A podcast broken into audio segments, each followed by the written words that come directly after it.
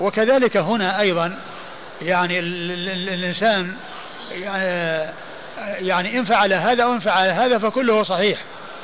إن فعل هذا أو فعل هذا فكله صحيح. ولكن من أهل العلم من رأى أن تقدم أن تكون اليدان آه، ترفعان أولا ثم ترفع الركبتين فلا يعتمد على على يديه. ومنهم من رأى أنه يرفع الركبتين أولا ويكون معتمدا على يديه. ويكون معتمدا على يديه. هذه الرواية التي معنا هي فيها في رواية الشيخ الرابع آه، أنه عند النهوض أنه آه، لا يعتمد على يديه. وشيخه الأول الذي هو أحمد بن حنبل أنه وهو جالس في الصلاة وهو جالس. والروايتان الأخريان اللي هي في الوسط وهي رواية محمد بن رافع وابن شبوية فهذه مطلقة لأنه ما ذكر فيها لا هذا ولا هذا ما ذكر فيها الجلوس ولا ذكر فيها النهوض فهي مطلقة. فيعني هل تحمل على الرواية السابقة التي هي رواية الإمام أحمد أنه في الجلوس أو تحمل على الرواية الأخيرة التي هي رواية محمد بن عبد الملك أو تحمل على رواية محمد بن عبد الملك. وتقديم الإمام لأبي أبو داود رحمه الله لحديث أحمد بن حنبل ورواية أحمد بن حنبل يدل على أنها هي الأرجح وإراده الحديث في هذا الباب أو ترجمة في هذا المكان الذي هو في حال التشهد يفيد بأنه آه، آه، يريد يعني هذا المعنى آه، عند هذه الترجمة في هذا الموطن. الذي هو التشهد. والروايتان الأخريان مطلقة لأنه قال في الصلاة ما قال يعني في حال جلوس ولا قال عند النهوض. رواية محمد بن رافع وابن شبوية.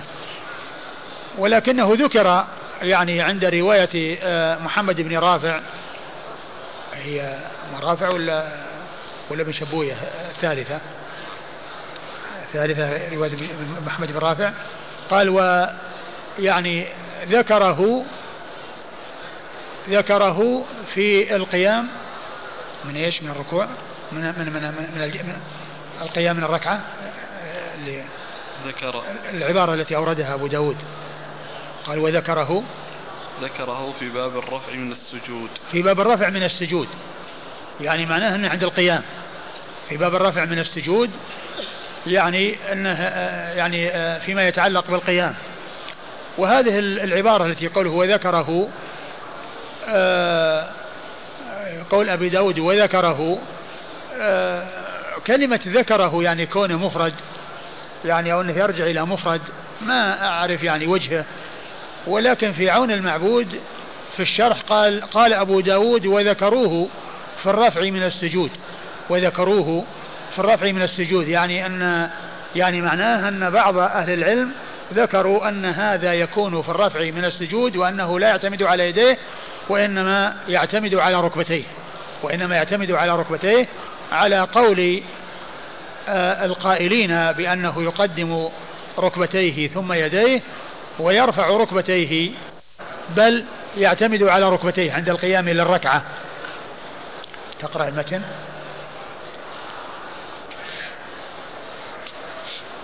عن ابن عمر رضي الله عنهما قال نهى رسول الله صلى الله عليه وآله وسلم. قال أحمد بن حنبل أن يجلس الرجل في الصلاة وهو معتمد على يده. وقال يعني, يعني قال نهى رسول الله صلى الله عليه وسلم. قال الإمام أحمد يعني في روايته والشيخ الأول أن يجلس الرجل في الصلاة وهو معتمد على يده أو نعم يده نعم. على يده وسواء كانت يده أو يديه لأن المقصود به أن الإنسان يضع يديه على ركبتيه. فلا يضع يديه على الأرض ولا يضع واحدة منهما على الأرض وإنما يضع اليدين على الركبتين على الفخذين فلا يضع اليدين كلهما على الأرض ولا يضع إحداهما على الأرض بل موضعهما على الفخذين نعم. وهذا فيه التنصيص على أن رواية الإمام أحمد أنه في حال الجلوس وهي مطابقة لما جاء في حديث ابن عمر المتقدم الذي نهى فيه علي بن عبد الرحمن المعاوي عن العبث في الأرض و و وأرشده إلى أن يضع يديه على فخذيه. نعم. وقال ابن شبوية نهى أن يعتمد الرجل على يده في الصلاة. وهذه مطلقة. يعتمد على يده في الصلاة. هل هو في الجلوس أو عند القيام يعني من السجود للركعة الثانية؟ يعني مطلق. لأن ما قال لا هو جالس ولا قال عند النهوض.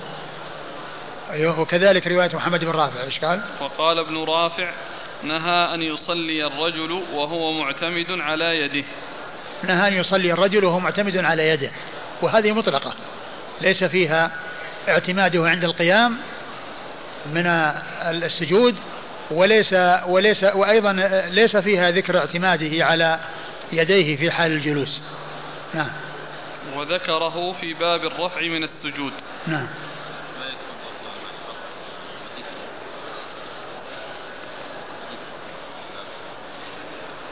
بس أنا يعني ما شفت فيما مضى ل ل لأبي داود يعني ذكر هذا فيما مضى. حاولت أن أبحث عن هذا وأحصله يعني فيما مضى فلم أجده.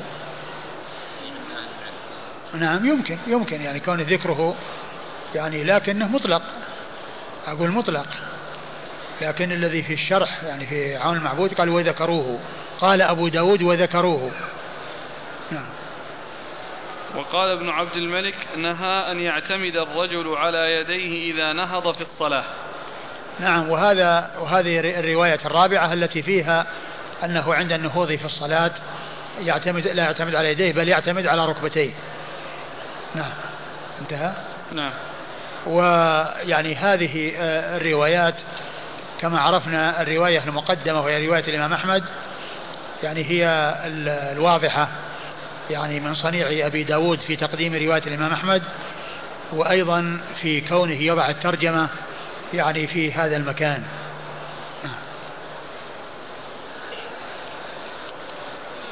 الإسناد؟ النهوض على اليدين من من الركعة الأولى أو من التشهد. ما في حديث صحيح؟ إلا ورد في حديث. ورد فيه حديث نعم. فكيف توجه هذه الرواية مع الحديث الصحيح؟ نعم هو الألباني وهو من من يقول بأنه يعني الإنسان يقوم على يديه آه، أنه آه، قال أن هذه آه، منكرة. يعني هذه الرواية أنها منكرة. نعم. الحديث مو في البخاري هو؟ إلا أظن في الحديث البخاري ورد أنه واعتمد على يديه. نعم. معتمدا أو اعتمد لكن فيه ذكر في البخاري نعم. طبعا هذا ذكر في في عون المعبود أو ذكر هنا في الحاشية. في الحاشية يقول آه، فإذا رفع رأسه من السجدة الثانية جلس واعتمد على الأرض ثم قام. واعتمد على الأرض هذا فين هذا يقولوا كذا في البخاري. في الحاشية. اي تعليق محي الدين. جلس واعتمد على الأرض ثم قام. نعم. قال حدثنا أحمد بن حنبل. أحمد بن محمد بن حنبل الإمام المعروف المشهور الفقيه المحدث أحد أصحاب المذاهب الأربعة مذاهب أهل السنة من مذاهب أهل السنة وحديثه أخرجه أصحاب الكتب الستة. وأحمد بن محمد بن شبوية. وأحمد بن محمد بن شبوية وهو ثقة أخرج له أصحاب الكتب. أبو داود. أبو داود وحده؟ نعم. نعم. نعم. أخرج له أبو داود وحده. ومحمد بن رافع. ومحمد بن رافع النيسابوري القشيري وهو ثقة أخرجه أصحاب الكتب الستة إلا ابن ماجه. ومحمد بن عبد الملك الغزال. ومحمد بن عبد الملك الغزال وهو ثقة أخرجه أصحاب السنة الأربعة. عن عبد الرزاق. عن عبد الرزاق ابن همام الصنعاني اليماني وهو ثقة أخرج له أصحاب الكتب الستة. عن معمر. عن معمر بن راشد الأزدي البصري ثم اليماني وهو ثقة أخرج له أصحاب الكتب الستة. عن إسماعيل بن أمية. عن إسماعيل بن أمية وهو ثقة أخرجه أصحاب الكتب الستة. عن نافع. عن نافع مولى بن عمر وهو ثقة أخرجه أصحاب الكتب الستة. عن ابن عمر. عن ابن عمر وقد مر ذكره. قال حدثنا نعم.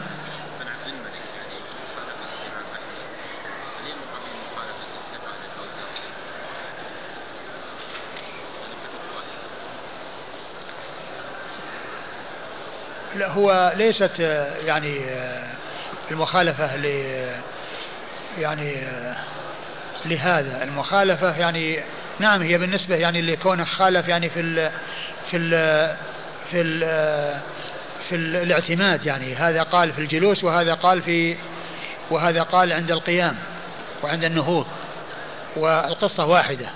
لكن هذا الذي ذكره ابن عبد الملك هو مخالف. للروايات الأخرى التي هي مثل رواية البخاري التي كونه يعتمد على يديه عند النهوض لكن فيما يتعلق بالنسبة للحديث الذي معنا لا شك أن رواية الب... رواية الأحمد الإمام أحمد مقدمة ولهذا الإمام أبو داود قدمها. وأيضا ذكر الحديث في الترجمة ذكر الترجمة في هذا المكان الذي هو التشهد الذي هو التشهد يعني الجلوس في التشهد. يعني كراهية الاعتماد على اليد في الصلاة أي في في الجلوس فيها لكن ذكر ذكر آه، الصلاة مطلقة ولكن كونه وضعها في هذا المكان ومع التشهد ومع أبواب التشهد يفيد.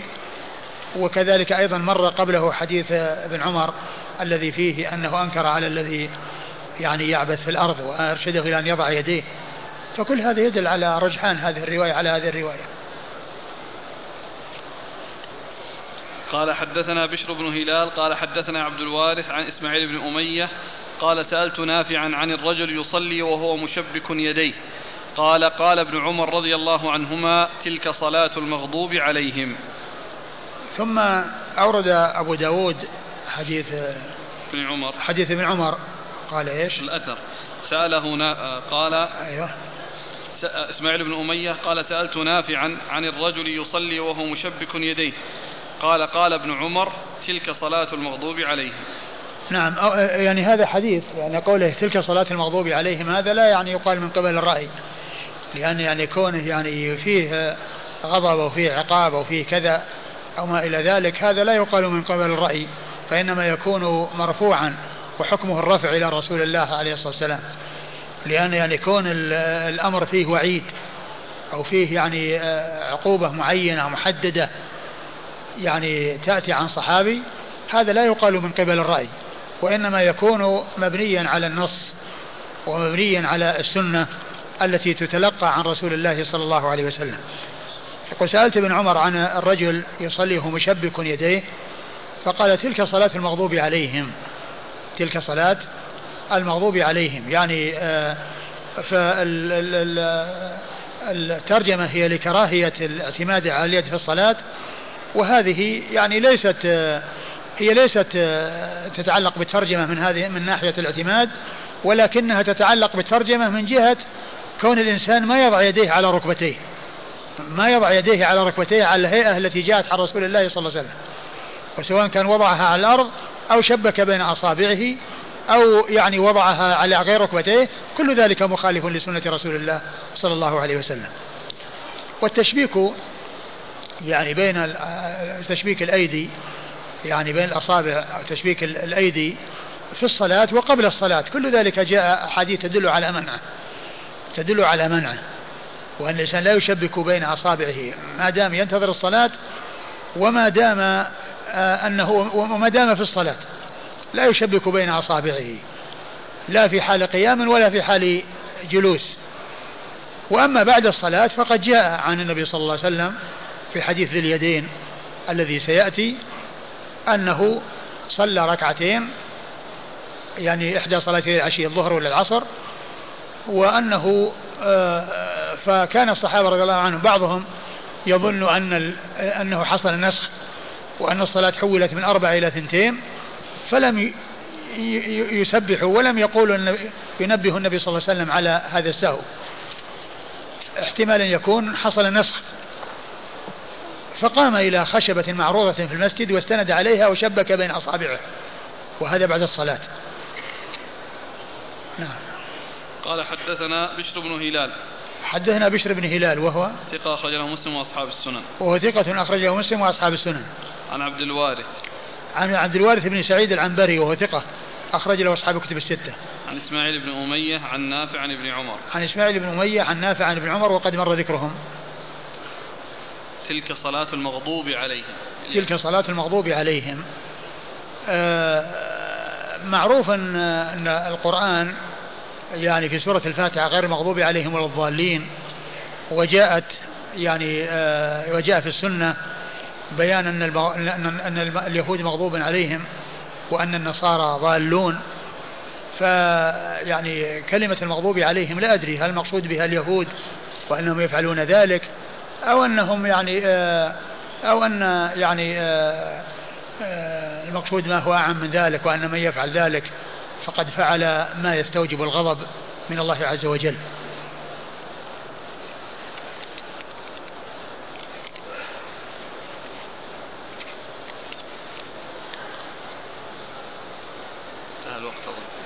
انتهى الباب.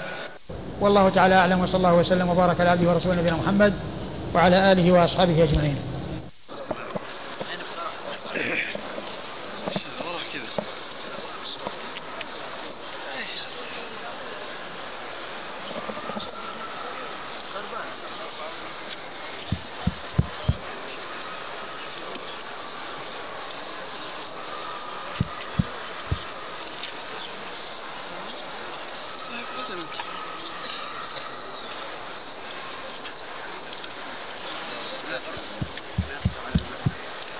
الرحمن فتح افتح يا عبد الحكيم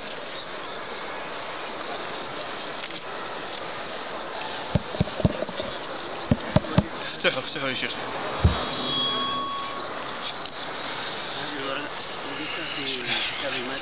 بسم الله الرحمن الرحيم الحمد لله رب العالمين والصلاة والسلام على عبد الله ورسوله نبينا محمد وعلى آله وصحبه أجمعين أما بعد قال الإمام أبو داود السجستاني رحمه الله تعالى تحت باب كراهية الاعتماد على اليد في الصلاة قال حدثنا هارون بن زيد بن أبي الزرقاء قال حدثنا أبي قال حاء وحدثنا محمد بن سلمة قال حدثنا ابن وهب وهذا لفظه جميعا عن هشام بن سعد عن نافع عن ابن عمر رضي الله عنهما أنه رأى رجلا يتكئ على يده اليسرى وهو قاعد في الصلاة. وقال هارون بن زيد ساقطا على شقه الأيسر. ثم اتفقا فقال له لا تجلس هكذا فإن هكذا يجلس الذين يعذبون. بسم الله الرحمن الرحيم. الحمد لله رب العالمين وصلى الله وسلم وبارك على عبده ورسوله نبينا محمد وعلى آله وأصحابه أجمعين. أما بعد فقد حصل البدء بهذه الترجمة في الدرس الماضي وهي كراهية الاعتماد على اليد في الصلاة. وعرفنا أن المقصود من ذلك الاعتماد عليها في حال الجلوس في كونه بين السجدتين أو كونه يتشهد. فإن آه، العمل أو الوضع الذي تكون عليه اليدان أن تكون على الفخذين. أن تكون على الفخذين. ولا تكون على الأرض. لا اليد اليمنى ولا اليسرى ولا ولا وليس هما جميعا. وإنما وضع اليدين أن تكون على الفخذين. ولا تكون على الأرض. سواء كانت اليمنى أو اليسرى. وقد مر بذلك مر أحاديث عديدة في هذا. وأولها الحديث الذي فيه أن الإمام أحمد وثلاثة من شيوخ أبي داود ذكروا نهي رسول الله صلى الله عليه وسلم عن الاعتماد على اليد في الصلاة. والإمام أحمد قال في حال الجلوس وهذه الرواية التي عن ابن عمر التي أوردها المصنف هنا تطابق ما جاء في حديث الحديث المتقدم الذي من رواية الإمام أحمد والتي قدمها أبو داود والتي هي تتعلق في حال الجلوس في التشهد والتي هي المطابقة أو المناسب وضع الترجمة في هذا المكان بعد أبواب التشهد وما يتعلق بالتشهد. يعني أن مهمة اليدين وظيفة اليدين في الصلاة أن تكون على الفخذين. اليد اليسرى مبسوطة على الفخذ اليسرى واليمنى مقبوضة أصابعها ويشير بإصبعه السبابة يدعو بها. آه هذه الرواية فيها ذكر اليسرى وأنه رأى رجلا يصلي ابن عمر رأى رجلا يصلي وقد اعتمد على يده اليسرى في صلاته في حال جلوسه وفي آه، رواية أحد شيخيه أنه قال قد اعتمد عليها. قد اعتمد عليها. وقال لا لا لا تفعل هكذا فإن آه هذه صلاة الذين يعذبون. هذه صلاة الذين يعذبون. وهو مماثل لما جاء في الرواية السابقة التي هي صلاة المغضوب عليهم وقاعدة المغضوب عليهم. أو الهيئة التي يكون عليها أولئك. فهذا الحديث يدل على ما دل عليه أو دلت عليه الأحاديث السابقة من أن الإنسان لا يعتمد على يديه في صلاته وهو جالس لا يعتمد بيمينه على الأرض ولا بشماله على الأرض ولا بهما جميعا وإنما يجعل يديه على فخذيه. اليسرى مبسوطة على الفخذ اليسرى واليمنى قد قبض أصابعها ويشير بأصبعه السبابة يدعو بها. إيش قال في المتن؟ عن ابن عمر رضي الله عنهما أنه رأى رجلا يتكئ على يده اليسرى وهو قاعد في الصلاة.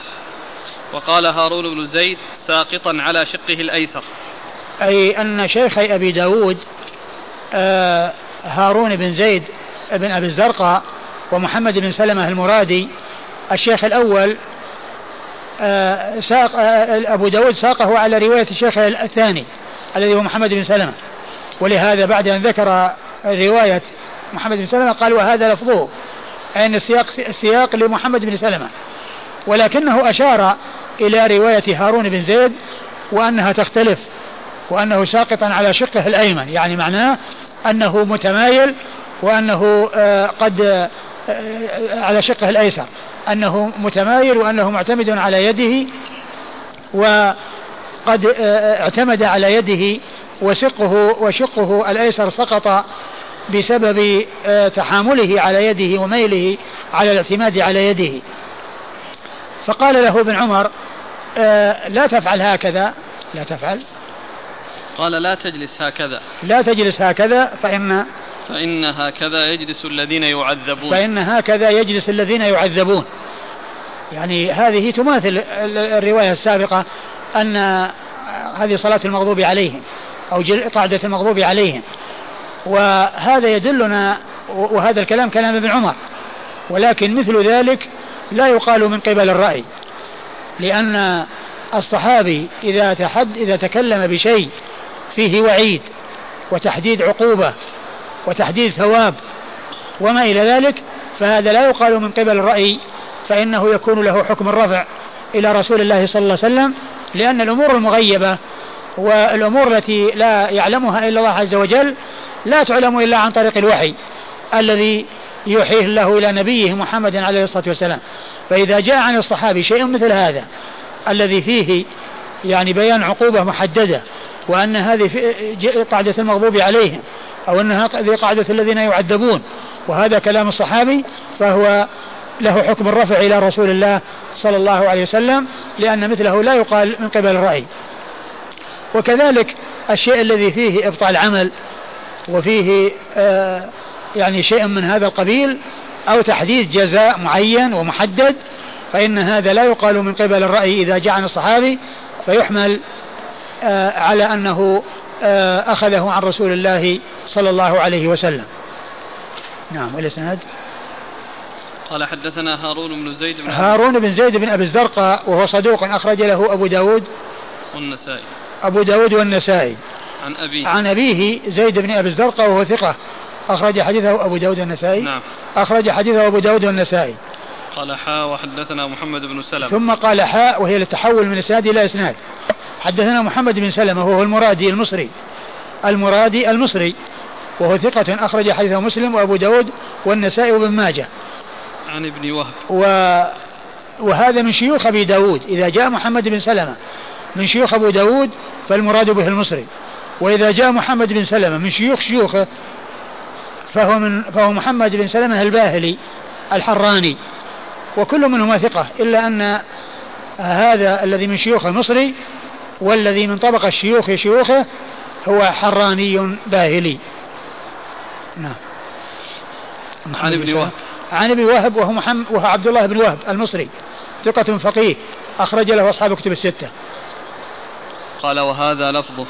قال وهذا لفظه أي لفظ الطريقة الثانية التي هي طريق محمد بن سلمة عن ابن وهب وليس طريق هارون بن زيد بن أبي الزرقاء عن أبيه. فإن السياق على لفظ الشيخ الثاني لأن قوله وهذا لفظه يدل على أنه كلام الشيخ الثاني. والإمام, مسلم والإمام أبو داود رحمه الله يحدد من له اللفظ. فيقول إما في أوله كما هنا بعدما يذكر الطريقين يقول وهذا لفظه. وأحيانا يأتي بها بعدما يسوق الحديث بأكمله بإسناده ومتنه أو بأسانيده ومتنه يقول وهذا لفظ وهذا لفظ فلان. فطريقته أنه يذكر من له اللفظ ويكون ذلك بعد ذكر آه، آه، الطريقين.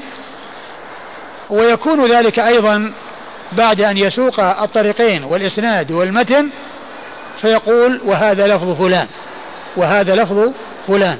وإذا كان هناك فرق بين الشيخين أشار إليه لأنه قال هنا آه، معتمدا على يديه في رواية محمد بن سلمة الذي ساق الحديث عنه. ثم قال وقال هارون بن زيد اللي هو الشيخ الأول ساقطا على شقه الأيسر. يعني ساقطا على شقه الأيسر. ثم اتفق يعني كل من الشيخين على أن ابن عمر قال لا تفعل هذا هكذا فإن هكذا آه، آه، جلسة المغضوب جلسة الذين يعذبون. جلسة الذين يعذبون. نعم. نعم. جلسة الذين يعذبون. نعم. قال جميعا قال جميعا يعني أن أن أن أنهما آه، رويا جميعا عن هشام بن سعد. عن هشام بن سعد. يعني الطريقين التقى التقيا عند هشام بن سعد. لأنه يعني من من هشام بن سعد وجد وجد الطريقان.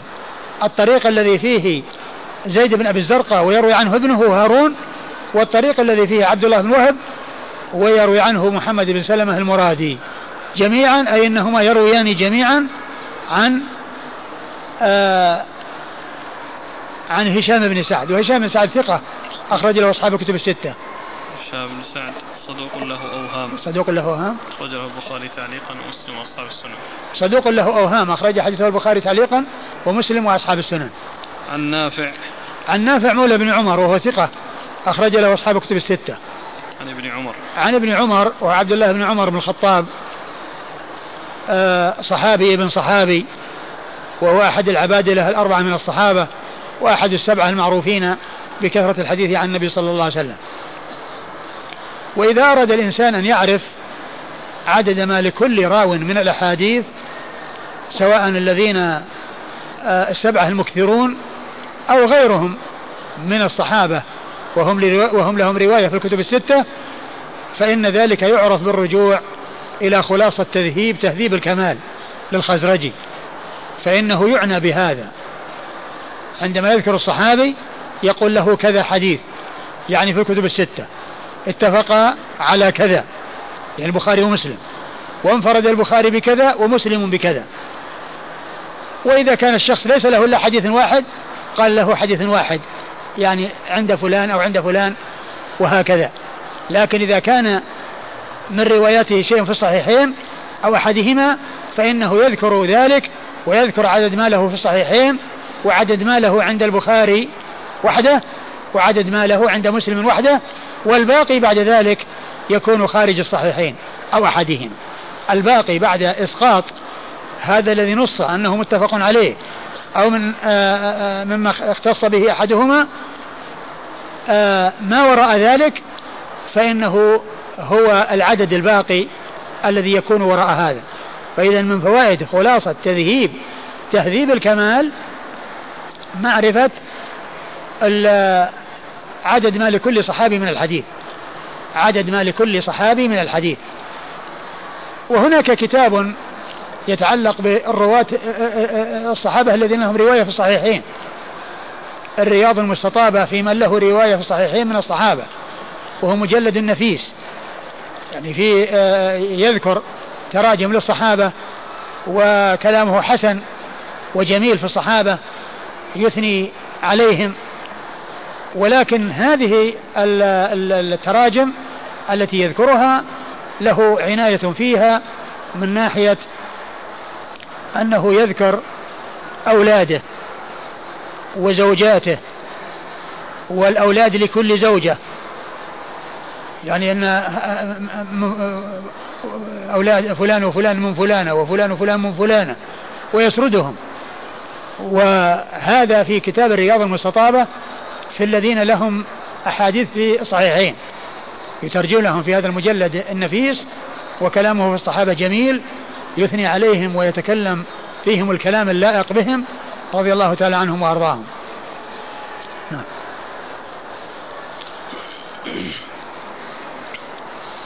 قال رحمه الله تعالى باب في تخفيف القعود. قال حدثنا حفص بن عمر قال حدثنا شعبة عن سعد بن إبراهيم عن أبي عبيدة عن أبيه رضي الله عنه أن النبي صلى الله عليه وآله وسلم كان في الركعتين الأوليين كأنه على الرضف على الرضف. قال قلنا حتى يقوم. قال حتى يقوم. ثم ورد أبو داود تخفيف تخفيف القعود أي القعود في التشهد الأول. المقصود بتخفيف القعود في التشهد الأول يعني أنه أخف من الثاني. الثاني يطال الجلوس فيه ويؤتى فيه بالأدعية وبالذكر بالأدعية التي يتخيرها الإنسان. كما قال في الحديث ثم يتخير من الدعاء أعجبه إليه. و ويطال الجلوس ويطال فيه الجلوس. والذكر أو الدعاء فيه من المواطن التي يشرع الدعاء فيها لأن الدعاء يشرع في الجلوس في السجود والإكثار منه يكون في السجود ويكون في التشهد الأخير. أما الأول فإنه يخفف ولا يطال. ليس كالأول. لكن أورد أبو داود رحمه الله حديث عن عبد الله عبد الله بن مسعود رضي الله عنه ويقول إنه كان إذا كان في القعدة بين بعد الركعتين أي الأوليين يعني في الصلاة التي لها تشهدان في التشهد الأول كأنه على الرضف حتى يقوم. يعني الرضف هو الحجارة المحماة معناه أنه يستعجل وأنه لا يطول. والحديث غير صحيح. لأن فيه انقطاع بين أبي عبيدة وأبيه لأن أبا عبيدة لم يسمع من أبيه فهو منقطع. وعلى هذا فهو غير ثابت. ولكن كون التشهد الأول يكون أخف من التشهد الثاني والجلوس قبل السلام هذا أمر واضح. لأن ذاك قد أمر فيه بأن يتخير الإنسان ما يتخير الإنسان آه، من الدعاء أعجبه إليه وأيضا يعني يدعى في أدبار الصلاة ودبر الصلاة يكون آخرها وما يلي آخرها. ودبر الصلاة يطلق على آخر آخرها وعلى ما يلي آخرها. كله قال له دبر. وقد جاء أحاديث في دبر الصلاة مطلقة وبعضها في دبر الصلاة أي بعد الصلاة. كالحديث الذي قال تسبحون وتحمدون دبر كل صلاة أي بعد السلام.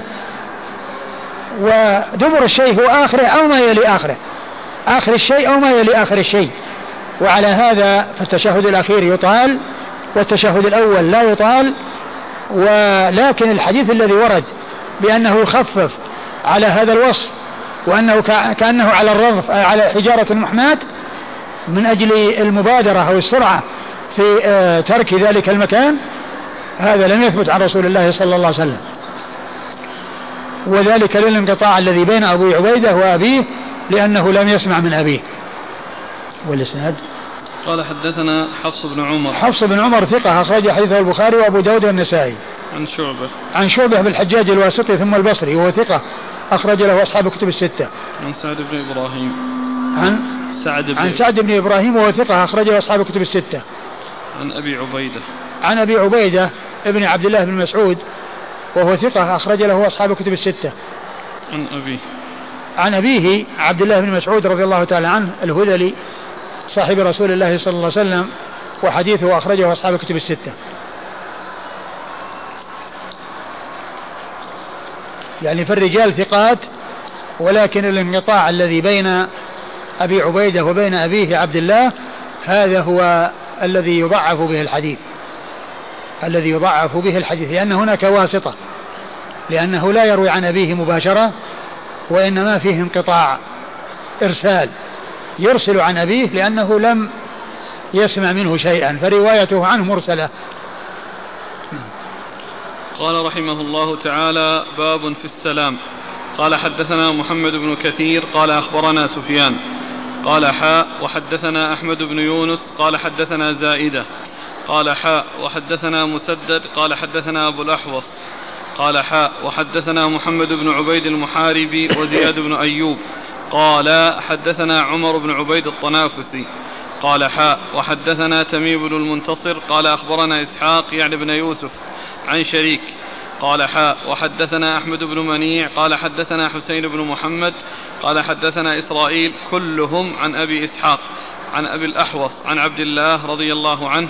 وقال إسرائيل عن أبي الأحوص والأسود عن عبد الله. أن النبي صلى الله عليه وآله وسلم كان يسلم عن يمينه وعن شماله حتى يرى بياض خده. السلام عليكم ورحمة الله. السلام عليكم ورحمة الله. قال أبو داود وهذا لفظ حديث سفيان وحديث إسرائيل لم يفسره قال أبو داود ورواه زهير عن أبي إسحاق ويحيى بن آدم عن إسرائيل عن أبي إسحاق عن عبد الرحمن بن الأسود عن أبيه وعلقمة عن عبد الله. قال أبو داود شعبة كان ينكر هذا الحديث حديث أبي إسحاق أن يكون مرفوعا. ثم ورد أبو داود هذه الترجمة وهي باب السلام. باب السلام أي السلام من الصلاة الذي هو ختامها والذي هو نهايتها والذي هو تحليلها. كما قال عليه الصلاة والسلام مفتاح الصلاة الطهور وتحريمها التكبير وتحليلها التسليم. فبدايتها التحريم الذي هو التكبير الذي يحصل به التحريم. ونهايتها التسليم الذي يكون به التحليل. وسمي تحليلا وتحريما لأن التكبير يقال له تحريم لأن الإنسان يحرم عليه بحصوله منه حيث يدخل في الصلاة أمور كانت حلالا له قبل ذلك كالأكل والشرب والالتفات والكلام والذهاب والإياب وغير ذلك. ويستمر كذلك إلى أن يسلم فيكون ما كان حلالا قبل التكبير يرجع إلى أن يكون حلالا بعد التسليم. ولهذا قال تحليلها التسليم. يعني يرجع الإنسان إلى الأمور التي كانت حلالا له قبل أن يحرم وقبل أن يدخل في تكبيرة الإحرام يباح له ما كان منع منه بالدخول في الإحرام. ولهذا قال تحريمها التسليم تحليلها التسليم. يعني نهايتها التسليم. والخروج منها يكون بالتسليم ولا يكون بغير ذلك. ولا يكون بغير ذلك وإنما يكون بالتسليم. كما قال ذلك رسول الله صلى الله عليه وسلم تحريمها التكبير وتحليلها التسليم. وهذا هو المقصود بالترجمة. يعني ذكر السلام الذي يكون به الخروج من الصلاة. وكيف يكون السلام؟ أورد أبو داود حديث آه، عبد الله بن مسعود. حديث عبد الله بن مسعود رضي الله تعالى عنه. أن النبي صلى الله عليه وسلم كان يسلم عن يمينه وعن شماله. كان يسلم عن يمينه وعن شماله. السلام عليكم ورحمة الله. السلام عليكم ورحمة الله حتى يرى بياض خده. يعني أنه يلتفت. وأن الذين على يمينه يرون خده. وبياض خده والذين على يساره إذا سلم يرون بياض خده. ليس معنى ذلك أنه يسلم وجه القبلة دون أن يراه من وراءه بل الذين عن يمينه يرونه إذا التفت مسلما والذين على يساره يرون خده إذا التفت مسلما. فهذا فيه دليل على كيفية التسليم وأنه يكون تسليمتين وأنه وأنه يسلم عن اليمين وعن الشمال وأن وأن المصلي يلتفت عند سلامه تسليمه التسليمة الأولى على اليمين والتسليمة الثانية على اليسار وأنه آه، يحصل منه الالتفات بحيث يرى خده من جهة اليمين ومن جهة الشمال. يرى خده من جهة اليمين ومن جهة الشمال. وهذا هو الغالب المعروف من فعله صلى الله عليه وسلم أنه كان يسلم تسليمتين واحدة عن اليمين واحدة عن الشمال. السلام عليكم ورحمة الله. السلام عليكم ورحمة الله. وقد جاء في بعض الروايات زيادة وبركاته كما سيأتي. وقد جاء في بعض الروايات زيادة وبركاته في بعض الأحاديث كما سيأتي. ولكن الغالب والذي جاء عن عدد من الصحابة أنه كان يسلم عن يمينه السلام عليكم ورحمة الله وعن يساره السلام عليكم ورحمة الله. نعم. قال حدثنا محمد بن كثير. محمد بن كثير العبدي وهو ثقة أخرج له أصحاب الكتب الستة. عن سفيان. عن سفيان وهو الثوري وهو ثقة فقيه. آه، أخرج له أصحاب الكتب الستة. قال حا وحدثنا أحمد بن يونس. ثم قال حا وحدثنا أحمد بن يونس وهو أحمد بن عبد الله بن يونس المصري. وهو ثقة أخرج له أصحاب الكتب الستة. عن زائدة. عن زائدة بن قدامة وهو ثقة أخرجه أصحاب الكتب الستة. قال حا وحدثنا مسدد. ثم قال حا وحدثنا مسدد وهو بن مسرهد البصري ثقة أخرج له البخاري وأبو داود والترمذي والنسائي. عن أبي الأحوص. عن أبي الأحوص وهو سلام بن سليم الحنفي. سلام بن سليم الحنفي. إذا جاء في طبقة شيوخ شيوخ أبي داود أبو الأحوص فالمراد به سلام بن سليم الحنفي. وهو ثقة أخرجه أصحاب كتب الستة. قال حا وحدثنا محمد بن عبيد المحاربي. ثم قال حا وحدثنا محمد بن عبيد المحاربي. وهو صدوق أخرج له أبو داود والترمذي والنسائي. أخرجه أبو داود والترمذي والنسائي. وزياد بن أيوب. وزياد بن أيوب وهو ثقة أخرجه مسلم وأبو داود والنسائي وابن ماجه. البخاري وأبو داود البخاري وأبو داود. والترمذي والنسائي. البخاري وأبو داود والترمذي والنسائي. عن عمر بن عبيد الطنافسي. عن عمر بن عبيد الطنافسي وهو ثقة أخرج له. صدوق أخرجه أصحاب الكتب. وهو صدوق أخرجه أصحاب الكتب الستة. قال حا وحدثنا تميم بن المنتصر. ثم قال حا وحدثنا تميم بن المنتصر وهو ثقة أخرجه أبو داود والنسائي بن ماجه. ثقة أخرجه أبو داود والنسائي بن ماجه. عن إسحاق يعني ابن يوسف. عن إسحاق يعني ابن يوسف وهو الأزرق. إسحاق بن يوسف الأزرق وهو ثقة أخرجه أصحاب الكتب الستة. عن شريك.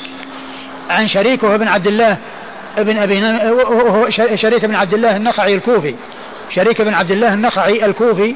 وهو صدوق يخطئ كثيرا واختلط لما ولي القضاء وحديثه أخرجه البخاري تعليقا ومسلم وأصحاب السنن. قال حا وحدثنا أحمد بن منيع. ثم قال حا وحدثنا أحمد بن منيع. وهو ثقة أخرجه أصحاب الكتب الستة. عن حسين بن محمد. عن حسين بن محمد وهو ابن بهرام وهو ثقة أخرجه أصحاب الكتب. وهو ثقة أخرجه أصحاب الكتب الستة. عن إسرائيل. عن إسرائيل بن يونس بن أبي إسحاق السبيعي وهو ثقة أخرج له أصحاب الكتب الستة. كلهم عن أبي إسحاق. كلهم عن أبي إسحاق يعني هؤلاء الطرق الستة التي فيها سفيان أولا سفيان الثوري.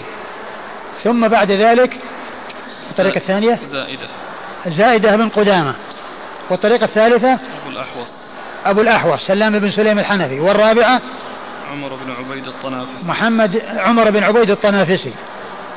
ثم بعد ذلك شريك. شريك ثم إسرائيل. ثم إسرائيل. هذه ست طرق. هؤلاء الستة الذين هم نهاية هذه الأسانيد التي جاء الفرق أو التمييز بينها بحاء التحويل كلهم يروون عن أبي إسحاق. ستة أشخاص يروون عن أبي إسحاق. يعني معناه تفرع من أبي إسحاق ستة فروع. ستة فروع. كلها تفرعت من أبي إسحاق. وهذه الفروع الستة الأربعة الأولى بين أبي داود وأبي إسحاق اثنان. والطريقان الخامس والسادس هذه ثلاثية يعني ثلاثة بينه بين أبي داود وإسحاق فالأربع الطرق الأولى عالية والطريقة الثالثة هو الطريقة الطريقان الأخيرتان نازلة. لأنه إذا قلت الطرق أو قل الرجال يعتبر الطريق عالي. وإذا كثر الرجال أو زاد عدد الرجال عن الطرق السابقة فإنه يقال نازلة. يعني طرق نازلة. لأن كلما كثر العدد صار في نزول. وكلما قل العدد صار في علو. وكلما قل العدد صار في علو والعلو يكون نسبيا يعني طريق عالية بالنسبة إلى طريق أخرى فطريق رباعية عالية بالنسبة لطريق خماسية وطريق ثلاثية عالية بالنسبة لطريق رباعية وخماسية عالية بالنسبة لطريق سداسية وهكذا. فالعلو يكون نسبيا وبعض الطرق تكون أعلى من بعض. وهذه الطرق الست إلى أبي إسحاق أربعة منها عالية لأن بين أبي داود وبين أبي إسحاق آه اثنان فقط. وطريقان من الطرق الست يعني فيها نزول بالنسبة للطرق الأربعة المتقدمة وهي التي يكون فيها بين أبي داود وبين أبي إسحاق ثلاثة. وأبو إسحاق هو عمرو بن عبد الله الهمداني السبيعي. ونسبة السبيعي هم آه هم آه جزء من همدان. يعني ينسب نسبة عامة ونسبة خاصة. فنسبة الهمداني نسبة أعم ونسبة السبيعي نسبة أخص لأن همدان أعم وسبيع أخص لأن سبيع جزء من همدان. وهو ثقة أخرجه أصحاب الكتب الستة. عن عن أبي الأحوص عن أبي الأحوص هذا أبو الأحوص هو عوف بن مالك الجشمي وهو ثقة أخرج له البخاري في الأدب المفرد ومسلم وأصحاب السنن. فإذا جاء أبو الأحوص في طبقة التابعين الذين يروون عن الصحابة فالمراد به عوف بن مالك. هذا إذا كان له رواية في آه، آه، آه، أحد الصحيحين. أما إذا كان أبو الأحوص يعني غير مسمى ويعني موصوف بأنه شيخ من أهل المدينة أو من يعني مولى بني ليث أو مولى بني دثار فهو أبو الأحوص الذي لا يروي عنه إلا الزهري وهو مجهول وحديثه يعني لا يصح ولكن هذا ثقة وهو في طبقة ذلك المجهول وهذا أخرجه البخاري في الأدب المفرد ومسلم وأصحاب السنة. وإذا فعندنا في هذه الأسانيد أبو الأحوص اثنان. آه الذي يروي عنه مسدد في الطريقة الثانية وهو آه سلام بن سليم الحنفي وهو ثقة أخرجه أصحاب الكتب الستة. وأبو الأحوص الذي يروي عن الصحابة وهو عوف بن مالك الجشمي وكل منهما ثقة. والمتأخر روى له أصحاب الكتب الستة والمتقدم روى له البخاري في الأدب المفرد ومسلم وأصحاب السنن الأربعة. وعلى هذا فيعرف أو يميز الشخص بطبقته فإذا وجدت شخصا في طبقة التابعين فلا تفكر أنه سلام بن سليم الحنفي. وإذا وجدته في طبقة شيوخ شيوخ البخاري شيوخ شيوخ شيوخ أبي داود في شيوخ شيوخ أبي داود أو كذلك شيوخ أصحاب الكتب الستة فإنه هو آه، سلام بن سليم الحنفي. عن أبي الأحوص عن إيش؟ عن عبد الله. عن عبد الله بن مسعود. عن عبد الله بن مسعود الهذلي صاحب رسول الله صلى الله عليه وسلم وقد مر ذكره. وقال إسرائيل عن أبي الأحوص والأسود. وقال إسرائيل يعني في طريق إسرائيل وهي آه الخامسة. إسرائيل إسرائيل هي الخامسة ولا السادسة. الأخيرة. الخامسة طريقة شريك والسادسة طريق إسرائيل. إسرائيل زاد يعني في طريقه وفي إسناده شخص آخر في الإسناد بالإضافة إلى أبي الأحوص. قال إيش؟ والأسود. قال إيش قال؟ عن أبي الأحوص والأسود. عن أبي الأحوص والأسود، أبي الأحوص هذا مشترك بين الطرق الستة. وإسرائيل زاد بالإضافة إلى أبي الأحوص الأسود وهو الأسود بن يزيد بن قيس النقعي وهو ثقة مخضرم أخرج له أصحاب الكتب الستة. قال أبو داود وهذا لفظ حديث سفيان. قال أبو داود يعني هذا اللفظ الذي ساقه والذي ذكره هو لفظ حديث سفيان أي الطريقة الأولى. الطريقة الأولى من الطرق الست. هذا لفظ حديث سفيان. و وهذا كما ذكرت يعني فيه أن أبا داود أحيانا يذكر من له اللفظ في الآخر بعد ذكر المتن. يقول هذا لفظ فلان أي الطريقة الطريقة الأولى. يعني فلان شيخ شيخه. يعني طريق هذا طريق فلان سفيان الذي هو شيخ شيخه في الطريق الأولى وهذا لفظ سفيان. وإيش؟ وحديث إسرائيل لم يفسره. وحديث إسرائيل لم يفسره. يحتمل أن يكون أن قوله لم يفسره أنه لم يفسر السلام وأنه لا وإنما قال يسلم عن يمينه وعن شماله. والتفسير الذي جاء في الطرق الأخرى أو طريق سفيان أنه يقول السلام عليكم ورحمة الله السلام عليكم ورحمة الله. وهذا تفسير السلام.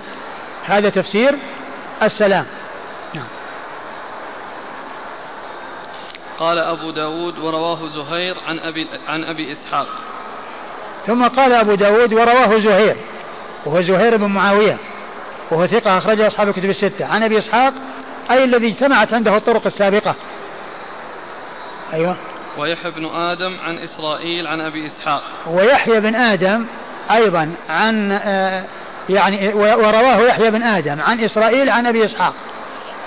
يحيى بن آدم ثقة أخرجه أصحاب الكتب الستة. وإسرائيل هو آه، ابن آه، يونس بن أبي إسحاق مر ذكره. عن أبي إسحاق مر ذكره. عن عبد الرحمن بن الأسود عن أبيه. عن عبد الرحمن بن الأسود عن أبيه عبد الرحمن بن الأسود بن يزيد بن قيس النخعي.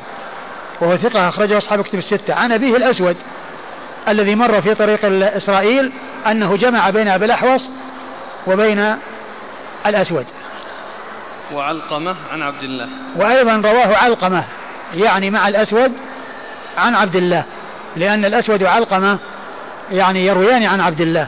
وعلقمة هو ابن قيس النخعي وهو ثقة أخرج له أصحاب الكتب الستة. قال أبو داود شعبة كان ينكر هذا الحديث حديث أبي إسحاق أن يكون مرفوعا. وبعده؟ انتهى. لا هذه في أي نسخة؟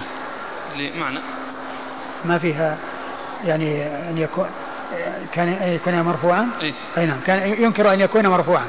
كلمة أن يكون مرفوعا هذه يعني أكثر النسخ خلت منها وإنما ينكر هذا الحديث. وكلمة أن يكون مرفوعا هذه جاءت في بعض النسخ. هذه جاءت في بعض النسخ.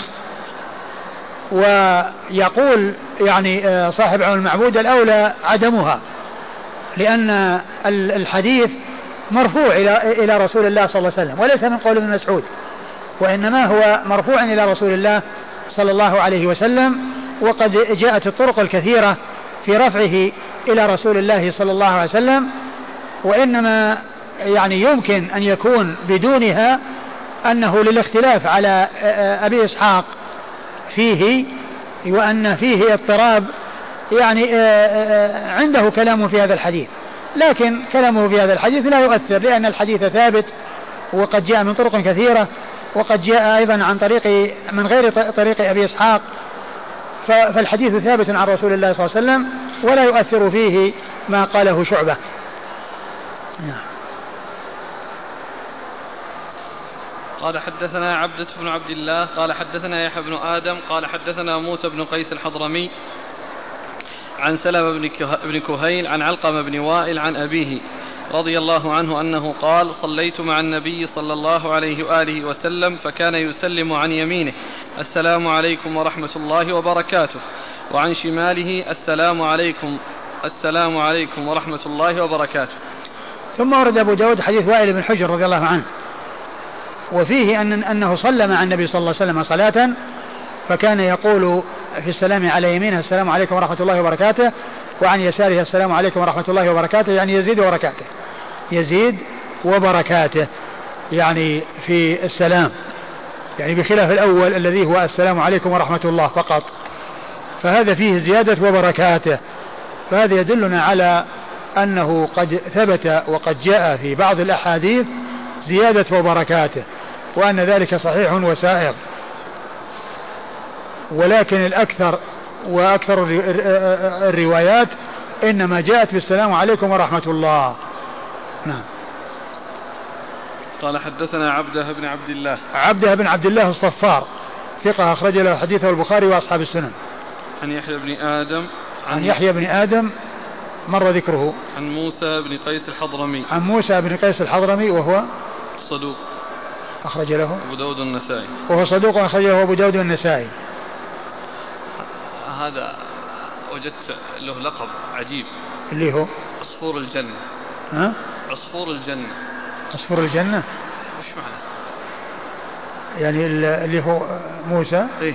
موسى بن قيس؟ نعم. إيه. هذا وين؟ من ذكره؟ في التقريب. ها؟ في التقريب. في التقريب قال عصفور الجنة؟ إيه. لقبه عصفور الجنة؟ نعم.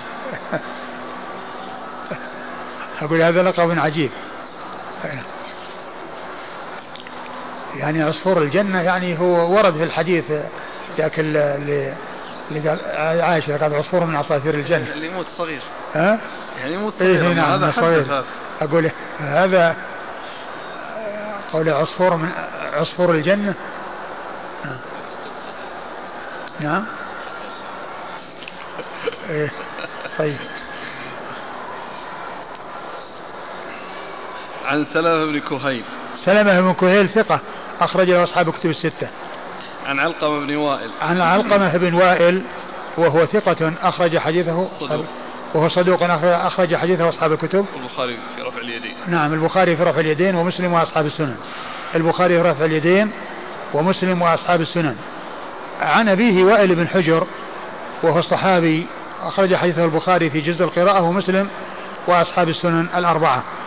وقال في التقريب أن علقمة لم يسمع من أبيه والصحيح أنه سمع وقد جاء في صحيح مسلم يعني في بعض الأحاديث يروي عن أبيه ومسلم يشترط الاتصال وأيضا البخاري قال إنه سمع من أبيه والذي لم يسمع من أبيه عبد الجبار عبد الجبار هو الذي لم يسمع من أبيه وائل. وقد جاء في بعض الأحاديث أن عبد الجبار يروي عن أخيه علقمة عن وائل. يروي عن عن أخيه علقمة عن عن أبيه وائل. يعني يروي عبد الجبار بواسطة أخيه. ومعنى هذا أن أخاه سمع من أبيه. فقول الحافظ بن حجر لم يسمع من أبيه آه هذا يعني يخالف ما جاء في صحيح مسلم من تخريجه بعض الأحاديث من روايته عن أبيه. وهو يشترط الاتصال وعدم الانقطاع. وأيضا البخاري صرح في كتابه التاريخ الكبير بأنه سمع من أبيه وعلى هذا فهو متصل وليس فيه انقطاع.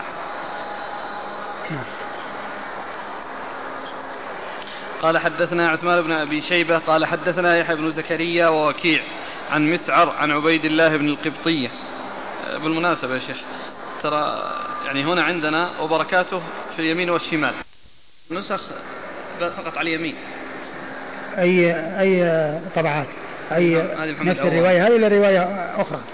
رواية اللؤلؤي ولا روايات أخرى؟ لا هذه. نفس النسخة هذه؟ نفس النسخة. يعني الأخ هذه محمد عوامة إيه؟ وعون المعبود. عون المعبود فقط؟ إيه؟ يعني النسخة اللي في عون المعبود عن يمين؟ اللي في عون المعبود موجودة عن المعبود معكم؟ اي وهذه نسخة أخرى فيها وبركاته؟ هذه عون المعبود إيه؟ أيوه وين شمال؟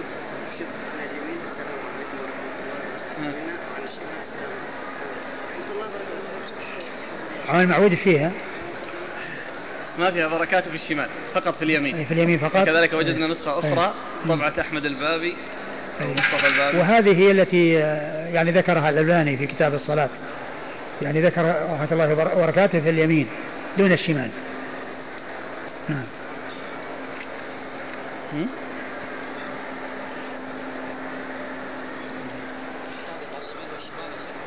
والله هو في في هذه الرواية أقول في هذه الرواية يعني فيها ذكر الشمال.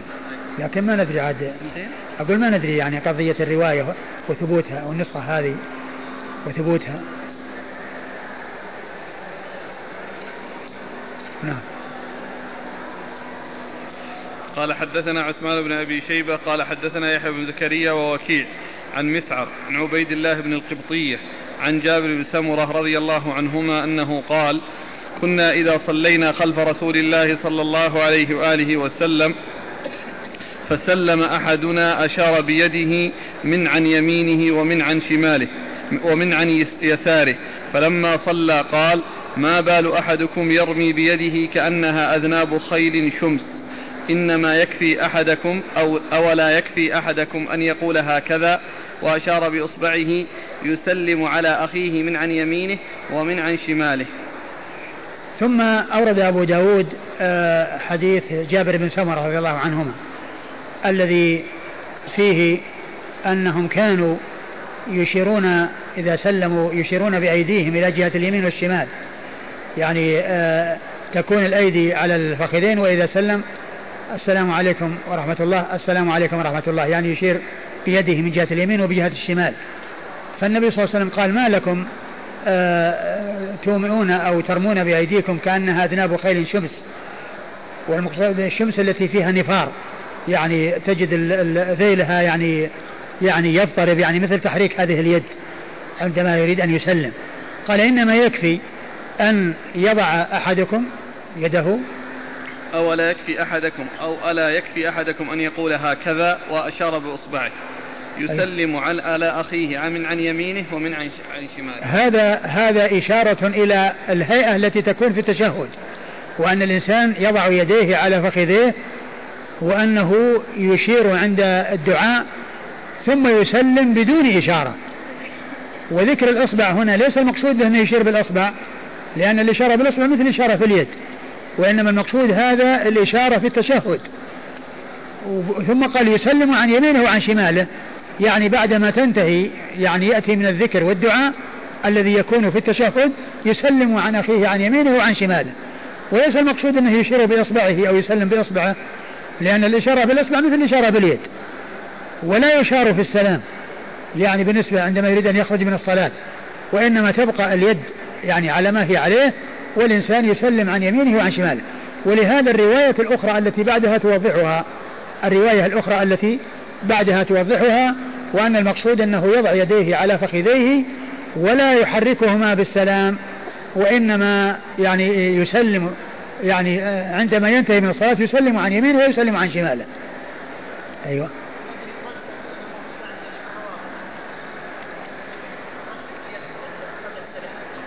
أي نعم الرافضة يستعملون هذا نعم. يستعملون هذا. فالرسول صلى الله عليه وسلم أنكر عليهم ذلك. وقال يكفي إن الإنسان يضع يده وتبقى على وضعها ثم يسلم عن يمينه وعن شماله. يسلم عن يمينه وشماله بالكلام مو بالإشارة. يسلم كلاما لا إشارة. لا يشير بالسلام وإنما بالكلام. يسلم على أخيه. يعني معناه الإنسان يسلم على من يمينه وعلى شماله. يعني إذا قال السلام عليكم ورحمة الله عن يمينه وعن شماله يسلم على من يمينه وعلى من شماله. يدعو لمن كان على يمينه ومن كان على شماله. هذا لا يتسنى في كل الصلاة يعني صلاة جماعة. لو كان صلاة النافلة مثلا أو الإنسان؟ لا هو هو يعني آه, آه، نعم هو بالنسبة للنافلة قد لا يكون وراها أحد قد لا يكون أحد يعني عن يمينه وعن شماله. لكن يعني ذكروا أنه يسلم على من يمينه وأن ممن يكون على يمينه الملائكة وعن شماله الملائكة. قال حدثنا عثمان بن أبي شيبة. عثمان بن أبي شيبة ثقة أخرجه أصحاب الكتب الستة إلا الترمذي. عن يحيى بن زكريا. عن يحيى بن زكريا بن أبي زائدة وهو ثقة أخرجه أصحاب الكتب الستة. ووكيع ووكيع بن الجراح الرؤاسي الكوفي وهو ثقة أخرجه أصحاب الكتب الستة. عن مسعر. مسعر بن كدام وهو ثقة أخرجه أصحاب الكتب الستة. عن عبيد الله بن القبطية. عن عبيد الله بن القبطية وهو ثقة أخرجه البخاري في رفع اليدين ومسلم وأبو داود والنسائي. ثقة أخرجه البخاري في رفع اليدين ومسلم وأبو داود والنسائي. عن جابر بن سمرة. عن جابر بن سمرة رضي الله عنهما وحديثه أخرجه أصحاب الكتب الستة. قال حدثنا محمد بن سليمان الأنباري قال حدثنا أبو نعيم عن مسعر بإسناده ومعناه. قال أما, أما يكفي أحدكم أو أحدهم أن يضع يده على فخذه ثم يسلم على أخيه من عن يمينه ومن على عن شماله. يعني هنا ما في إشارة في الإصبع وإنما فيه الإشارة في الإصبع يعني بالتشهد فليس فيه إشارة بالسلام. ولهذا قال أما يكفي أحدكم أن يضع يده يعني يده مهمتها أن تكون موضوعة. ما يفعل. ما يحصل لها تحرك إلا بالإشارة الإشارة بالسبابة فقط. وما عدا ذلك فإنها لا تحرك. وعلى هذا لا يفعل في السلام هذه الإشارة. قال ثم يسلم عن يمينه وعن شماله. يسلم عن يمينه وشمال شمال عن شماله. فمعنى هذا أن اليد هيئتها أن تبقى على الفخذين واليمنى على وضعها الموضح واليسرى على وضعها الموضح ثم بعد ذلك يسلم عن يمينه وعن شماله. قال حدثنا محمد بن سليمان الأنباري عن محمد بن سليمان الأنباري آه، ثقة ولا صدوق؟ صدوق. صدوق أخرج حديثه أبو داود. عن أبي نعيم. عن أبي نعيم وهو الفضل بن دكين الكوفي وهو ثقة أخرج له أصحاب الكتب الستة. عن مسعر بإسناده ومعناه. عن مسعر بإسناده ومعناه وقال إيش؟ قال أما يكفي أحدهم أو أي نعم. قال حدثنا عبد الله بن محمد النفيلي قال حدثنا زهير قال حدثنا الأعمش عن المسيب بن رافع عن تميم الطائي عن جابر بن سمرة رضي الله عنهما أنه قال دخل علينا رسول الله صلى الله عليه وآله وسلم والناس رافعي رافعوا أيديهم. قال زهير أراه قال في الصلاة. فقال ما لي أراكم رافعي أيديكم كأنها أذناب خيل شمس. اسكنوا في الصلاة. ثم ورد حديث حديث جابر بن سمر رضي الله عنه وفيه أن النبي صلى الله عليه وسلم دخل عليهم وهم في الصلاة رافعي أيديهم يعني رافعي أيديهم يعني عند السلام يعني يومئون بها كعادتهم كما جاء في الروايات السابقة. فالنبي صلى الله عليه وسلم قال ما لكم رافعي أيديكم كأنها أذناب خيل شمس اسكنوا في الصلاة. يعني لا تفعلون هذه الهيئة يعني لا تفعلوا هذه الهيئة. فالمقصود بهذه الرواية هو ما جاء في الروايات السابقة وأن المقصود من رفع الأيدي إنما هو بالإشارة في السلام عند اليمين وعند الشمال. وبعض ال ال ال ال ال العلماء من أصحاب أبي حنيفة استدل بهذا الحديث على أنه لا ترفع الأيدي عند الركوع والرفع منه. وحمله على هذا. ولكن هذا لا يصح. لأنه لو كان كذلك أيضا تكبيرة الإحرام فيها رفع الأيدي وهم يقولون به أيضا فيها نفس الهيئة وهذا الفعل. وإنما الأحاديث يفسر بعضها بعضا ويدل بعضها على بعض. والمقصود من ذلك هذا الرفع الذي جاء مبينا في الروايات السابقة وهو الرفع عند السلام. يعني كونهم يومئون بها عن اليمين ويومئون بها عن الشمال ونفس التشبيه الذي جاء في الأحاديث السابقة هو نفس التشبيه الذي جاء في, الحديث هذا الحديث. يعني أنه أنكر عليهم هذه الآية التي يفعلونها عند السلام. وليس المقصود من ذلك أنه النهي أو الإنكار على كونهم يرفعون أيديهم عند الركوع عند الرفع منه والحديث ثبت في الصحيحين. من حديث عبد الله بن عمر في الركوع والرفع منه وثبت من حديث أبي حميد الساعدي عند القيام من التشهد الأول في صحيح البخاري. نعم.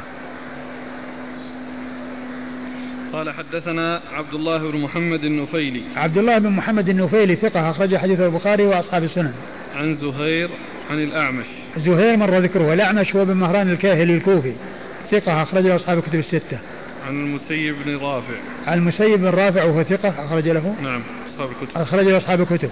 عن تميم الطائي. عن تميم بن طرفة الطائي وهو ثقة أخرج له مسلم وأبو داود والنسائي بن ماجه. وهو ثقة أخرج حديثه مسلم وأبو داود والنسائي وابن ماجه. عن جابر عن جابر بن سمرة وقد مر ذكره. قال رحمه الله تعالى باب الرد على الإمام. قال حدثنا محمد بن عثمان أبو الجماهر. قال حدثنا سعيد بن بشير عن قتاده عن الحسن عن سمرة رضي الله عنه أنه قال أمرنا النبي صلى الله عليه وآله وسلم أن نرد على الإمام وأن نتحاب وأن يسلم بعضنا على بعض. ثم ورد هذه الترجمة الرد على الإمام. الرد على الإمام يعني في السلام، إذا قال السلام عليكم ورحمة الله يعني يرد عليه بأن يقال السلام عليكم ورحمة الله. هذا هو المقصود من هذه الترجمة، الرد على الإمام يعني كونه يسلم ويسلم عليه فهو يبدأ بيقول السلام عليكم ورحمة الله السلام عليكم ورحمة الله ثم يقولون هم بعده السلام عليكم ورحمة الله السلام عليكم ورحمة الله فيردون على الإمام ويسلمون على غير الإمام. وهذا آه، هو المقصود بالترجمة. أورد حديث آه، حديث سمرة بن جندب رضي الله عنه أن النبي صلى الله عليه وسلم قال قال أمرنا النبي صلى الله عليه وسلم أن نرد على الإمام. أمرنا النبي صلى الله عليه وسلم أن نرد على الإمام. يعني في السلام بأن نقول السلام عليكم ورحمة الله السلام عليكم ورحمة الله. أيوة. وأن نتحاب يعني يكون بيننا التحاب والتوادد والسلام كما هو معلوم من أسباب المودة وأسباب المحبة و وأن يسلم بعضنا على بعض. وأن يسلم بعضنا على بعض. يعني في السلام إذا سلم عن يمينه وعن شماله يسلم على من كان على يمينه وعلى من كان على شماله. لكن الحديث لم يثبت عن رسول الله صلى الله عليه وسلم لأنه من رواية الحسن عن سمرة وهو مدلس ولم يصرح بالسماع و آه، وإنما يقبل منه ما صرح به وقد جاء عنه التصريح في السماع في حديث العقيقة وما عدا ذلك فإنه يعني آه، لا يعني يثبت ما كان من هذا القبيل الذي هو فيه ال ال الذي فيه الرواية بغير السماع والأقوال في رواية الحسن عن سمرة ثلاثة أقوال منهم من قبلها مطلقا ومنهم من ردها مطلقا ومنهم فصل والتفصيل هو الصحيح لأن التفصيل فيه السماع لحديث العقيقة فقط وغيرها يعني لم يثبت يعني شيء يدل على كونه سمع منه. قال حدثنا محمد بن عثمان أبو الجماهر. محمد بن عثمان أبو الجماهر وهو ثقة أخرج له. أبو داود بن ماجه. أبو داود بن ماجه. عن سعيد بن بشير. عن سعيد بن بشير وهو ضعيف. وهو ضعيف. ضعيف أخرج أصحاب السنن. ضعيف أخرجه أصحاب السنن. عن قتادة. عن قتادة من دعامة السدوسي البصري. ثقة. أخرجه أصحاب الكتب الستة. عن الحسن. عن الحسن بن أبي الحسن البصري وهو ثقة. أخرجه أصحاب الكتب الستة. عن سمرة. عن سمرة وهو صحابي جليل أخرجه أصحاب الكتب الستة. وعلى هذا فالحديث يكون فيه تدليس فيه رواية الحسن ورواية قتادة وكل منهما مدلس وأيضا فيه رواية بشير آه سعيد, آه سعيد, بن بشير. سعيد بن بشير وهو ضعيف فهو غير ثابت عن رسول الله صلى الله عليه وسلم. قال رحمه الله تعالى باب التكبير بعد الصلاة. قال حدثنا أحمد بن عبده قال أخبرنا سفيان عن عمرو عن أبي معبد عن, عن, عن ابن عباس رضي الله عنهما أنه قال كان يعلم انقضاء صلاة رسول الله صلى الله عليه وآله وسلم بالتكبير. طيب بعده. قال حدثنا يحيى بن موسى البلخي قال حدثنا عبد الرزاق قال أخبرني ابن جريج قال أخبرنا عمرو بن دينار أن أبا معبد مولى ابن عباس أخبره أن ابن عباس رضي الله عنهما أخبره أن رفع الصوت للذكر حين ينصرف الناس من المكتوبة كان ذلك على عهد رسول الله صلى الله عليه وآله وسلم وأن ابن عباس قال كنت أعلم إذا انصرفوا بذلك وأسمعه.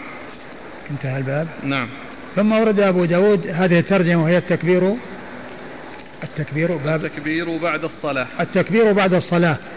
التكبير بعد الصلاة. المقصود من هذه الترجمة إثبات التكبير والذكر بعد الصلاة وأنه يرفع بهما الصوت. وعقد أو ذكر التكبير لأنه جاء في الرواية الأولى والرواية الثانية جاء فيها الذكر وهو أعم من التكبير لأن الذكر يشمل التكبير وغير التكبير. الذكر لأن الذكر يشمل التكبير وغير التكبير. فهو أتى به على الرواية الأولى التي أوردها عن ابن عباس رضي الله تعالى عنهما وأنه وأن وأن كان يعلم انقضاء كان يعلم انقضاء صلاة الرسول صلى الله عليه وسلم بالتكبير. يعني الذين هم متأخرون يعني عن الإمام يعني يسمعون التكبير. والتكبير لم يأتي ما يدل على أنه بعد السلام يقول الله أكبر الله أكبر وإنما يقول أستغفر الله أستغفر الله. ويأتي بعد ذلك يعني ذكر ثم يأتي بعد ذلك سبحان الله والحمد لله والله أكبر. هذا هو الذي ثبت عن رسول الله صلى الله عليه وسلم. فالتكبير جاء في التسبيح مع, التسبيح والتحميد. ولكن كونه يعني يأتي الله أكبر الله أكبر يعني سواء واحدة أو أكثر بعد السلام مباشرة الذي جاءت به الروايات أن النبي صلى الله عليه وسلم كان إذا سلم استغفر ثلاثا ثم قال اللهم أنت السلام ومنك السلام تبارك يا ذا الجلال والإكرام. ثم الرواية الثانية قالت الذكر. وهو يشمل التكبير وغير التكبير. ومعنى هذا أن الذكر آه، آه، أن لفظ الذكر يكون مطابق ومتفق مع ما جاء في الروايات الأخرى الدالة على أن آه، أنه بعد الصلاة يؤتى بالذكر الذي أوله الاستغفار ثم اللهم أنت السلام ومنك السلام إلى آخره. وجاء في بعض الروايات أو هذه الرواية ذكر التكبير فيحمل على أن المقصود من ذلك ما يكون من التكبير مع التسبيح والتحميد بعد الصلاة.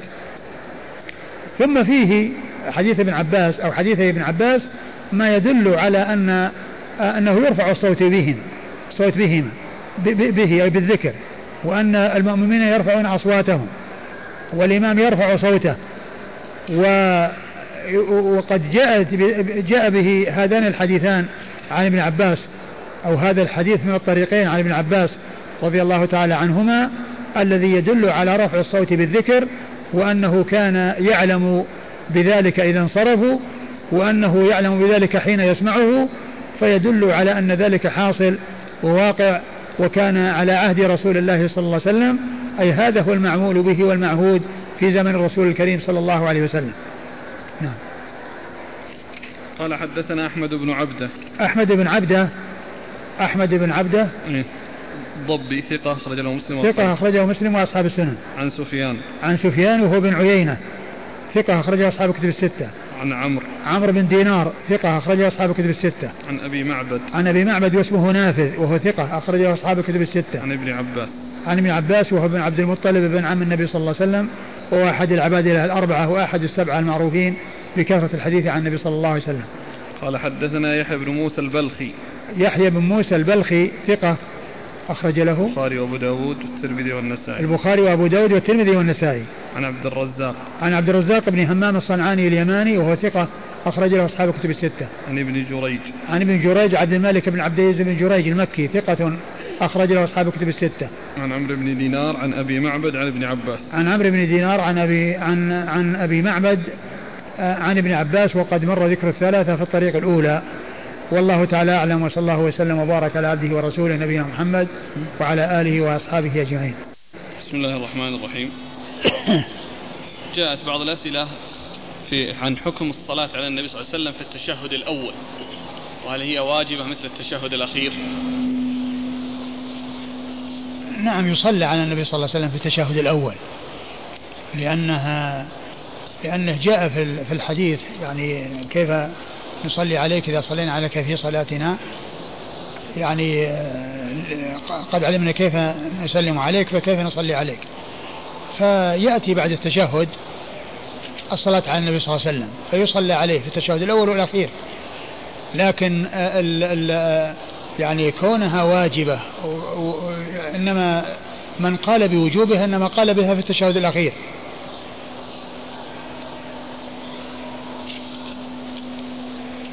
من المصلين من إذا سلم الإمام التسليمة الأولى سلم معه أو بعده مباشرة وإذا سلم التسليمة الثانية سلم فهل, ها فهل, فهل هم على صواب وكذلك الصواب نعم وكذلك إيش؟ إذا بقي على المأموم ركعة هل يقوم بعد تسليمة الإمام التسليمة الأولى أو ينتظره حتى يسلم التسليمتين؟ الخروج من الصلاة إنما يكون بالتسليمتين فالمأموم ينتظر الإمام حتى يفرغ من السلام ثم يتابعه. وكذلك الذي بقي عليه شيء من الصلاة ينتظر حتى يسلم الإمام ثم يقوم لقضاء ما فاته لأن لأن التسليم يكون به الخروج من الصلاة. والخروج من الصلاة إنما هو بالتسليمتين. إنما هو بالتسليمتين.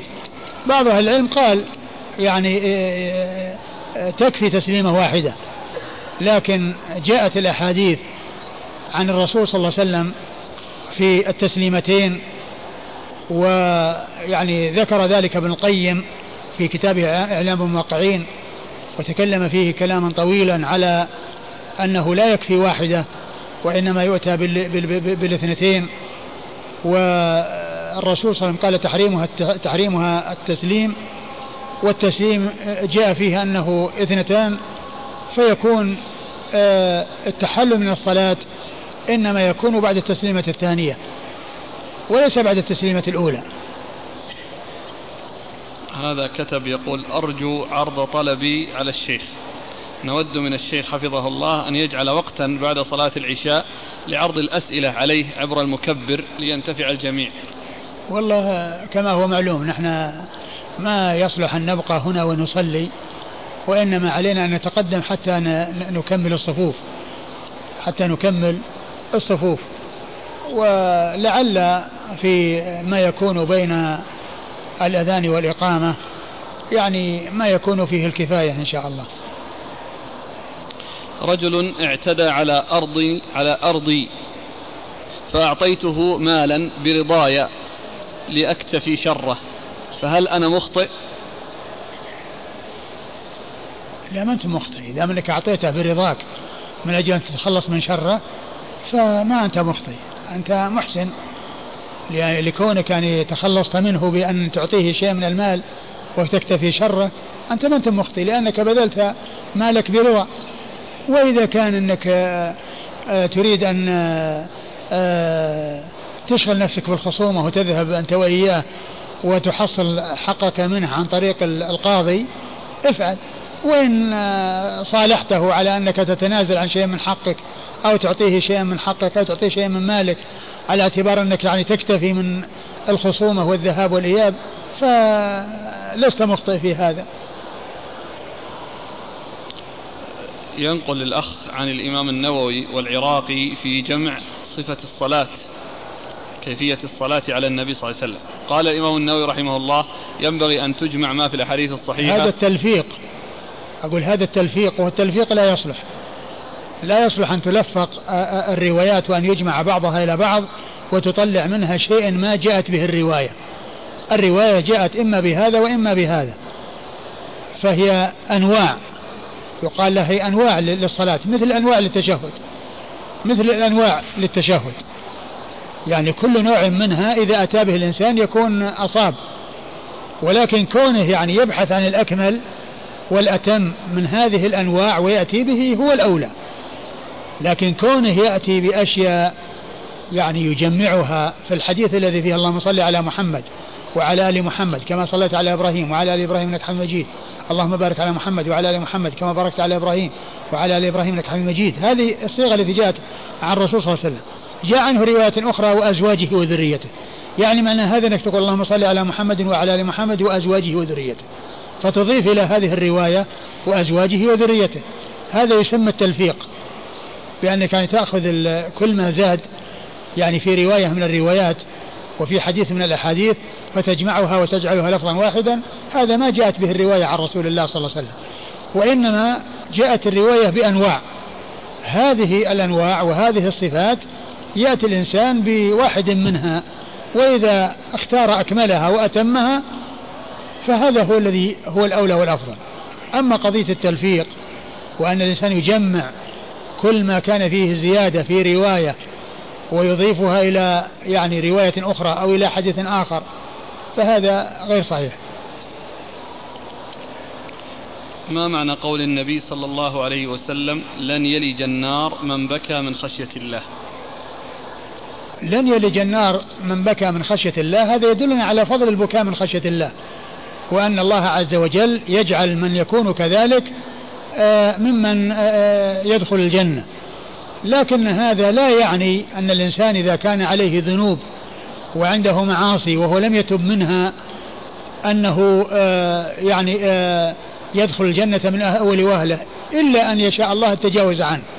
أما إذا لم يتجاوز الله عنه فإنه يعذب على كبائره وجرائمه وكونه حصل منه أمر آه، حسن ويستحق عليه دخول الجنة يعني هذا مثل مثل كون الإنسان آه، آه، يحج ويعني يأتي بالحج يعني طبقا لما جاء ولكنه مصر على كبائر مصر على كبائر. لا يعني أن الحج يكفر تلك الكبائر. وعلى هذا فيكون هذا فيه ترغيب. في البكاء من خشية الله ومعلوم أن هذا إنما يحصل آه، من غير تكلف.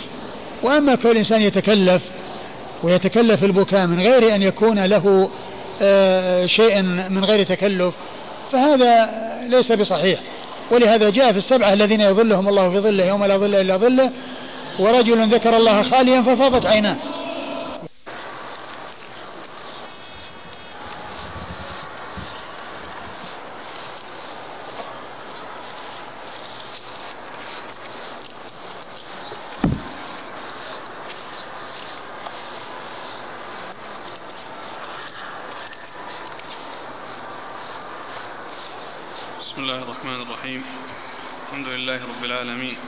والسلام على عبد الله ورسوله نبينا محمد وعلى آله وصحبه أجمعين. أما بعد قال الإمام أبو داود السجستاني رحمه الله تعالى باب حذف التسليم. قال حدثنا أحمد بن محمد بن حنبل. قال حدثني محمد بن يوسف الفريابي. قال حدثنا الأوزاعي عن قرة بن عبد الرحمن عن الزهري عن أبي سلمة عن أبي هريرة رضي الله عنه أنه قال قال رسول الله صلى الله عليه وآله وسلم حذف السلام سنة. قال عيسى نهاني ابن المبارك عن رفع هذا الحديث. قال أبو داود سمعت أبا عمير عيسى بن يونس الفاخوري الرملي قال لما رجع الفريابي من مكة ترك رفع هذا الحديث وقال نهاه أحمد بن حنبل عن رفعه. بسم الله الرحمن الرحيم. الحمد لله رب العالمين وصلى الله وسلم وبارك على عبده ورسوله نبينا محمد وعلى آله وأصحابه أجمعين. أما بعد فيقول الإمام أبو داود السجستاني رحمه الله تعالى باب حذف التسليم. والمقصود بحذف التسليم عدم إطالته وعدم التطويل فيه وعدم مده بحيث آه، يأخذ له وقت أكثر مما لو أتى به بغير مد. هذا هو حذف التسليم.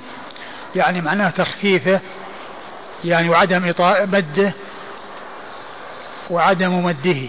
يعني لا يمد السلام فيقول السلام عليكم ورحمة الله وبركاته يطوله وإنما يأتي به السلام عليكم ورحمة الله السلام عليكم ورحمة الله. هذا هو المقصود بحذف السلام.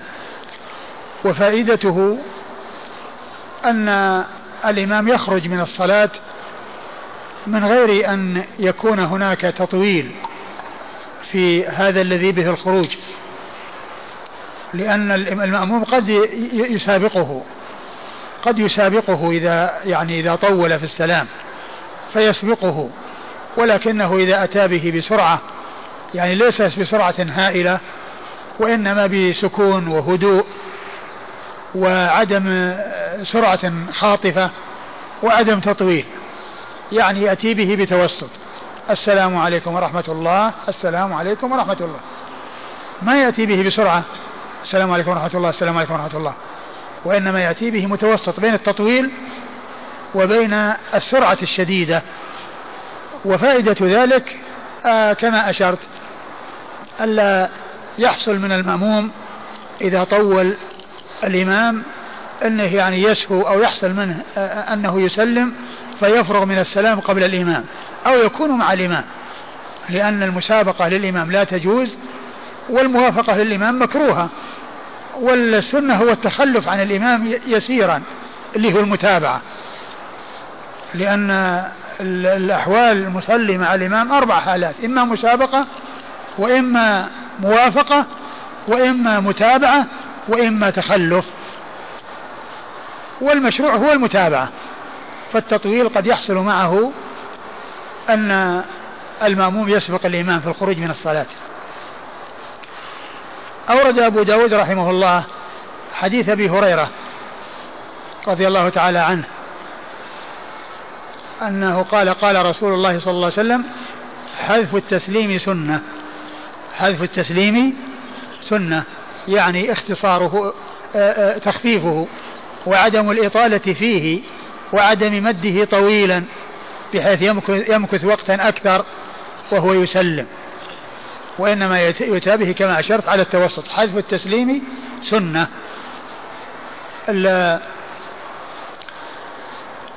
هذا هو المقصود من أن التسليم يخفف وأن ذلك سنة رسول الله صلى الله عليه وسلم.